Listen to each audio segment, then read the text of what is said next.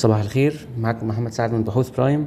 هنبدأ الاجتماع الصباحي ليوم الثلاث 25 أكتوبر 2022 آم، النهارده عندنا مجموعة مهمة من الأخبار آه، اللي تخص الشركات. أولها خبر النهارده الصبح آه، إن SODIC آه، اللي مملوكة طبعا للدار العقارية الإماراتية آه، مهتمة إنها تستحوذ على مية في المية من أسهم شركة أوراسكوم العقارية ودي آه، شركة subsidiary ل ORHD أو آه، اوراسكوم آه، للتنميه آه، الخبر بيقول إن في عرض مبدئي اتقدم لل ORHD وإن ال- القيمة المبدئية ال- يعني ال- العرض المبدئي بيشير ليها آه، لتقييم الشركة التابعة دي. هي آه، تقريبا 2 مليار ونص أو 2 مليار 460 مليون.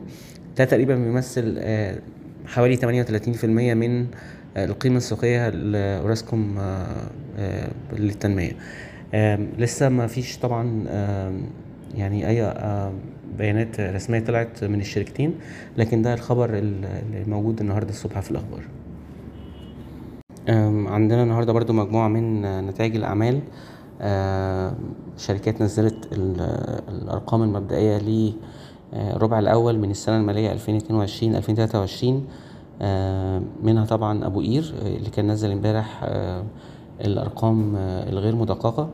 آه، الشركة قدرت تعمل خلال الربع الأول من السنة المالية 2023 صافي أرباح وصل آه، إلى آه، 2 مليار و800 مليون. ده نمو 115% سنة على سنة آه، بسبب ارتفاع في الإيرادات آه، واللي سجلت 4 مليار و800 مليون. واللي نمت بنسبة 80% سنة على سنة بجانب تحسن ال gross profit margin أو هامش مجمل الربح آه، واللي سجل 66% آه، وطلع تقريبا 8 نقط مئوية آه، على أساس سنوي. النتائج القوية واللي أبو قير بيستمر إن هو يقدمها خلال الربع الأول آه، سببها أسعار ال- اليوريا لسه تعتبر عالميا مرتفعة. والحاجة التانية طبعا ال- بالمقارنة بالربع الأول من السنة اللي فاتت اللي هي السنة المالية 2022 آه، في آه، ضعف في الجنيه. وبالتالي ده بي آه، بي- بيحسن من الأسعار بتاعة أبو قير فيما يخص ال- التصدير. بنلاحظ برضو إن النتائج على أساس ربعي أو على أساس فصلي Q on Q فيها تحسن واضح.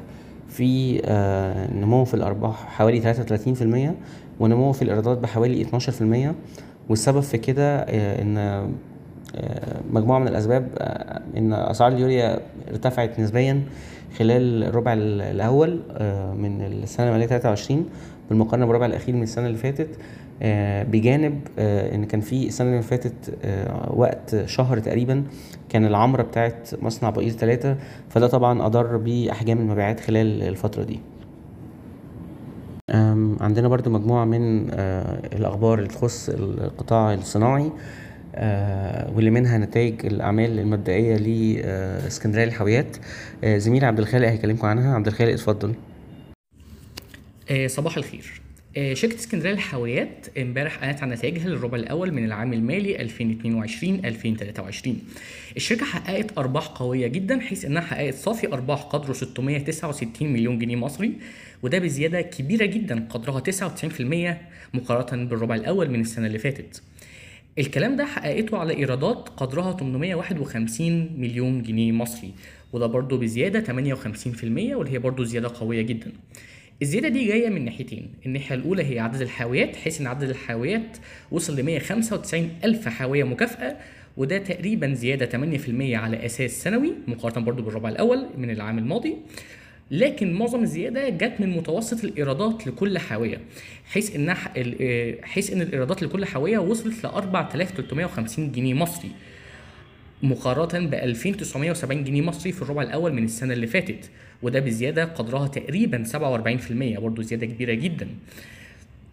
هامش مجمل الربح من ناحية تانية حقق آه، 74% وده أكبر رقم الشركة حققته بقالها خمس سنين.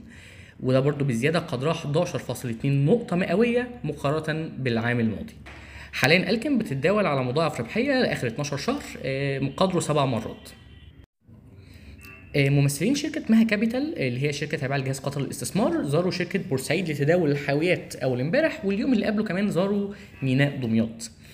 آه، يقال إن شركه إن جهاز قطر للاستثمار حاليا بيبحث فرص للاستثمار في شركات تداول الحاويات زي ما حصل من صندوق السيادي الإماراتي والصندوق السيادي السعودي اللي حاليا بيستثمروا إذا كان في إسكندرية لتداول الحاويات أو في كذا مينا وكذا شركة حاويات أخرى على البحر الأحمر. آه، على سبيل المثال شركات دبي وورلد اللي مسيطرة بجزء كبير على مواني البحر الأحمر. فحاليا آه، ممثلين شركة مها كابيتال بيبحثوا فرص للاستثمار إذا كان مع ميناء دمياط أو مع ميناء بورسعيد وشركة بورسعيد لتداول الحاويات. نحب بس نلاحظ إن شركة القناة للتوكيلات الملاحية عندها حصة 20% في شركة دمياط لتداول الحاويات وشركة كمان بورسعيد لتداول الحاويات. فممكن تكون من الشركات اللي هتتأثر ايجابيا لو حصل نوع من الاستحواذات. آه، الخبر كمان معانا النهارده هو إن السويدي إلكتريك آه، بت- بتبحث فرص مع مع البنك الأوروبي لإعادة الإعمار والتنمية لتحفيز الاستثمارات في الصناعات المصرية. وده من خلال إنهم بيحاولوا يطلقوا منصة لمساعدة المستثمرين الأجانب إنهم يستثمروا في الصناعات المصرية وعامة كمان إنهم يسوقوا للمناطق الصناعية والشركات الصناعية الموجودة في مصر. شكرا جدا يا عبد الخالق. دي كانت أهم أخبارنا النهارده. شكرا صباح الخير.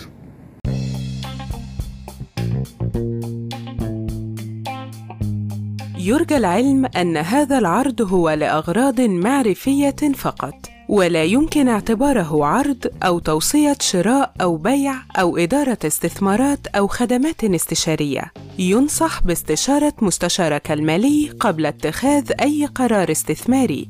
الأداء التاريخي ليس مؤشرًا يعتمد عليه لتحديد الأداء في المستقبل.